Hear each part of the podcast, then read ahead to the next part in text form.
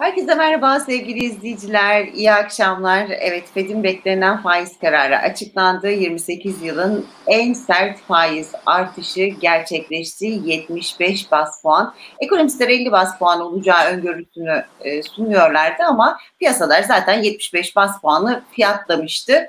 Peki bundan sonra neler olacak? Bundan sonra neler gelir? Bu 75 bas puan bizim ülkemize ne olarak dönecek? Hepsini konuşacağız. Ekonomist Bayram Başaran da karşımızda. Merhaba Bayram Bey, iyi akşamlar. Merhaba Ebru Hanım, iyi akşamlar. Ne güzel bir manzara böyle arkada Manhattan'daymışsınız gibi geldi birden.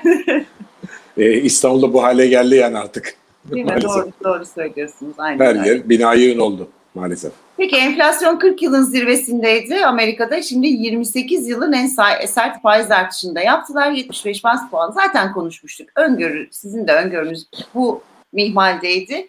Ne diyeceksiniz peki? Ee, bu artış hem Amerika'da neler değiştirecek? Bizde nasıl yansıyacak? Enflasyonu durduracak mıdır? Durdurmayacaktır tabii ama neler söylersin? Şimdi Fed'in hedefi enflasyonu durdurmak değil. Tamam, enflasyonun artış hızını yavaşlatmak, fiyatların artış hızını yavaşlatmak. Çünkü bir anda frene basmak her şey tarımar der. Onlar da bunu çok iyi biliyorlar. Tarımar olmaması için yani orta kademe bir faiz artışı yaptılar. Tamam. Şimdi bu 1900 en son 75 bas puanlık e, faiz artışı 1994 yılında yapmışlar. 94'ten bu yana ki e, ilk defa 75 bas puanlık faiz artışı yapıyorlar. 0.75 Amerika gibi ekonomiler için çok yüksek. Tabii ki enflasyon da son 40 yılın en yüksek olduğu için e, bunu yapmak zorunda kaldılar. Bu e, Amerikan borsalarında ciddi düşüşler neden olacak. Evet. Zaten düşüyordu. De- Borsalar ciddi düşüşler neden olacak ama burada Fed'in bunu yapmasından öte bir vurgulaması var. Diyor ki Amerikan, işte Merkez Bankacılığı bu. Amerikan Merkez Bankası, Federal Merkez Bankası enflasyonu ikiye çekmek için sonuna kadar kararlıyız diyor. Şimdi bakın bu vurgulama çok önemli. Bir doğru işi yapıyor, arkasından da vurguluyor. Diyor ki Amerika'da fa- e, enflasyonu yüzde ikiye çekme konusunda son derece kararlıyız diyor. Ve bununla ilgili bir tablo açıklıyor. Tamam mı? Açıkladığı tabloya baktığın zaman tablo son derece tutarlı kendi içerisinde. Açıkladığı tablo. Yani bizimkiler gibi bir anda biz 75'ten 5'e çekeceğiz demiyor. Anlatabiliyor muyum? Önce diyor ki 4.3'e çekeceğiz. 4.2'ye çekeceğiz. Ondan sonra oradan 2.3'e çekeceğiz. Sonra 2.2'ye çekeceğiz diyor. Böyle bir tablo yapmış. Şimdi baktığım zaman rakamlara 2002'nin sonunda enflasyonu 4.3'e çekmek istiyoruz diyor. Politikamızı da buna göre kuracağız diyor. Bu demek ki sert, sert faiz artışları ve piyasadan para çekişi devam edecek. Yani sert şekilde devam edecek. Şahin bir politika izleyecek. Devam, devam ediyor. 2023'te diyor 2.7'ye 2024'te de 2'ye çekeceğiz ve bu çekirdek enflasyon bak manşet enflasyon değil. Çekirdek enflasyon diyor biz buraya çekeceğiz. Şimdi bu çok önemli. Manşet enflasyon onu takip ederek aşağı gelecek. Manşet enflasyon o zaman ne olacak? İşte e, bu yılın sonunda muhtemelen 5.5-6 civarında çekecekler. Ondan sonra 4.5'a yumuşak enişte devam ettirecekler. Şu anki politikayı buna göre kurmuşlar. Peki bizim Merkez Bankası ne yapıyor? Hiç piyasada yok. Ne yaptığı belli değil. Hani Nebati demişti ya etkisizleştirdik. İşte etkisizleştirirsem bunlar başına geliyor. Son 4 yılda fiyatların 4 kattan fazla arttı. Devletin bağışlamasının 4 kattan fazla artır, artmasına neden olan olay bu. Devletin kurumlarını yok ettiğin zaman, etkisizleştirdiğin zaman başına bunlar geliyor.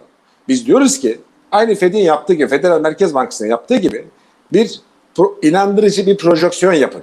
Enflasyonla buraya indirirken faizdeki hedefinizi de koyun. Neler yapacaksınız? Evet. Buna karşılık işsizliği nasıl aşağı çekeceksiniz? Enflasyonla bu nasıl baskı yapacak? Nasıl etki yapacak? Büyümeye nasıl etki yapacak? Bunların hepsini koyun diyoruz. Bizim söylediğimiz o.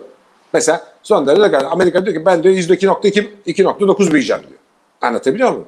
Ama dolar bazında 2.9 büyüyeceğim diyor. Bizimkiler gibi biz enflasyon 73 biz 7.3 büyüdük. Yok ya bu büyüme ne? Enflasyon 70 e, yani 7.5 e, 7.3'ün olduğu yerde sen e, e, yüz- 73.5'ün olduğu yerde enflasyon 7.3 büyürsen ne olur? Sen zaten küçülmüşsün. Reel anlamda küçülüyorsun.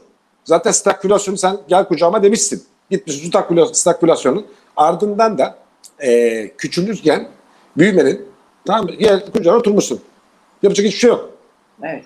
Şimdi bu tamamen kandırmaca rakamlar. Şimdi bugün de bildiğim kadarıyla bizim bütçeyle ilgili uygulamalar açıklandı.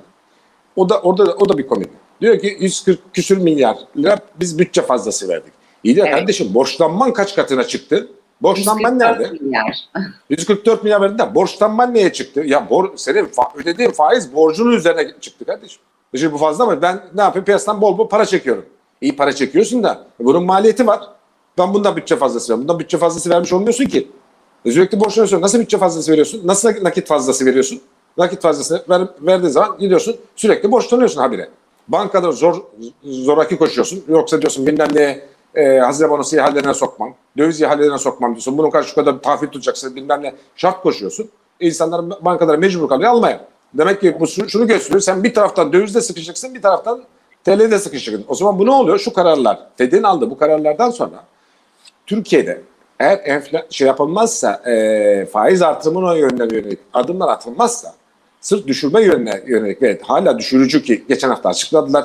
Öyle. İşte döviz, dövizini getirirsen biz manşet e, faizin bile altında size bas faizin bile altında size kredi vereceğiz dedin. E, bu ne demek? Genişlemeye devam ettiriyorum demek o zaman Türk lirasının değer kaybını engelleyemezsin. Döviz satarak da artık engelleyemezsin. Artık doğruyu görmek zorundasın. Doğruya gelmek zorundasın. Bak Evet. Amerikan Hazine Bakanı kalkıp teklif ediyor mu Federal Merkez Bankası için? Edemiyor. Başkan ediyor mu? Edemiyor. Merkez Bankası diyor ki bak benim hedeflerim bunlar. Sen de diyor Amerikan hükümetine gelecek sene bütçeni ve bu yılın ikinci yasa itibariyle programını buna göre yap diyor. Bu sıkılaşmaya göre ben sıkılaşacağım diyor. Çok net. Ve benim rakamlarım bunlar. Rakamlar hepsi birbirine bağlı. Yani birbirinden bağımsız. Bir gün enflasyonu açıkladım. Bir gün çekirdek açıkladım. Yok onu tutamadım. Hiç enflasyon yok sayıyorum. Ee, bunun karşısında faizli işte ben burada tutacağım. Merkez Bankası umurumda değil dediğin zaman başına her şey gelir. Şimdi her şey geliyor başına. Ondan sonra başlıyorsun rakamları gizlemeye. Anlatabiliyor muyum? İstediğin kadar gizle. Sonuçta piyasa belli. Ne diyoruz? Diyoruz ki doları 21 liraya göre piyasa fiyatlıyor. Herkes fiyatlarını. Bu ne yapıyor? Enflasyonu giderek artıyor. Çünkü senin aldığın kararlar yanlış. Arasında bağ olması lazım. Ekonomideki en önemli şey ekonomi dengeler malzumesi. Tamam? Bir şeyi rakamı söylerken diğer rakamlarla bunun altını doldurman lazım. Hepsinin birbirine bağlı olması lazım. Bu olursa şu olur, bu olursa bu olur, bu olursa bu olur diye bağlaman lazım. Cari açıkta her şeyi birbirine bağlaman lazım. Bağlayabiliyor musun? Yok. Şimdi Amerika neyi baz alıyor? Cari açığı baz almıyor. Diyor ki bir, büyümeyi baz alıyorum. Birinci kuramda enflasyon. Enflasyon, Amerikan halkını enflasyonun altında ezdirmeyeceğim. Tamam çok net. Diyor ki bunun için büyümeyi şurada tutacağım, işsizliği şurada tutacağım. Diyor. İkinci hedefim enflasyondaki ikinci hedefim büyüme değil. İşsizlik oranı düşürmek. Ondan sonra büyümeyi ayarlamak. Ondan sonra diğerlerine bakarım diyor. Ama bunu hepsini faizle yapıyor. Önce faizi belirliyor. Ondan sonra diyor ki bununla faiz, enflasyon şuraya gelir diyor. Bizde bunlarla arasında hiçbir bağ yok. O zaman hiçbir şey inandırıcı gelmiyor kimseye. Bizde diyoruz diyor ki ya bunu böyle açıklayın. Enflasyonu açıklıyorsun. Enflasyona neden olan alt kalem malların fiyat artışını açıklamıyorsun. Ya böyle bir şey olur mu? Neyi gizliyorsun? Kimi neyden gizliyorsun? Ha, o zaman ne ekonomistler doğru yorum- yapamasın. Yok dış güçler. Ne dış gücü ya? Dolayısıyla maalesef bu kararlardan sonra TL'nin düşüşünü kimse tutamaz. Amerikan doları değer kazanmaya başladı. Tahviller değer kazanmaya başladı. 10 yıllık tahviller 3.42'lere çıktı. Çok ciddi artışlar. Ne olacak? Amerika %3.42 reel faiz verirken sen nasıl e, Türk, gidip de uluslararası piyasada Türkiye olarak borçlanacaksın? 3.42 üzerine şimdi CDS primini ekle. Etti 12.5 13. Nasıl borçlanacaksın şimdi uluslararası piyasalardan? He, işte bütün bunlara geldiği zaman yıl sonuna doğru faciaya doğru gidiyor ekonomi. Eğer tedbir alınmazsa, bugünkü kurallar devam ederse ekonomide kendi ilan ettikleri arasında hiçbir korelasyon olmayan, bağ olmayan bu uygulama devam ettiği zaman yıl sonunda Türk lirasının değer kaybı inanılmaz olur. Enflasyon inanılmaz olur. Maalesef acilen tedbir almaları lazım ve Merkez Bankası'nın etkinliğini artırmalı, artırmaları lazım. Evet. Peki Kesin. Bayram Bey, yıl sonu dediniz hem enflasyon hem de Türk lirasının değer kaybı gerçekten korkunç olur dediniz de peki daha kısa vadede hani şeye gitmeden önce, yeni yıla gitmeden önce peki ne olur e, Fed'in verdiği bu kararla? Şu Fed'in verdiği bu kararla emtia fiyatları biraz gevşer. Emtia fiyatları uluslararası piyasalarda biraz gevşer ama tekrar eğer bu kararlara devam etmezlerse işte Temmuz'da tekrar toplanacak ve 22 Haziran'da bir daha var bildiğim kadarıyla. Ee, ondan sonra Temmuz'da var. Sonra e, Ağustos'ta yok, Eylül'de var.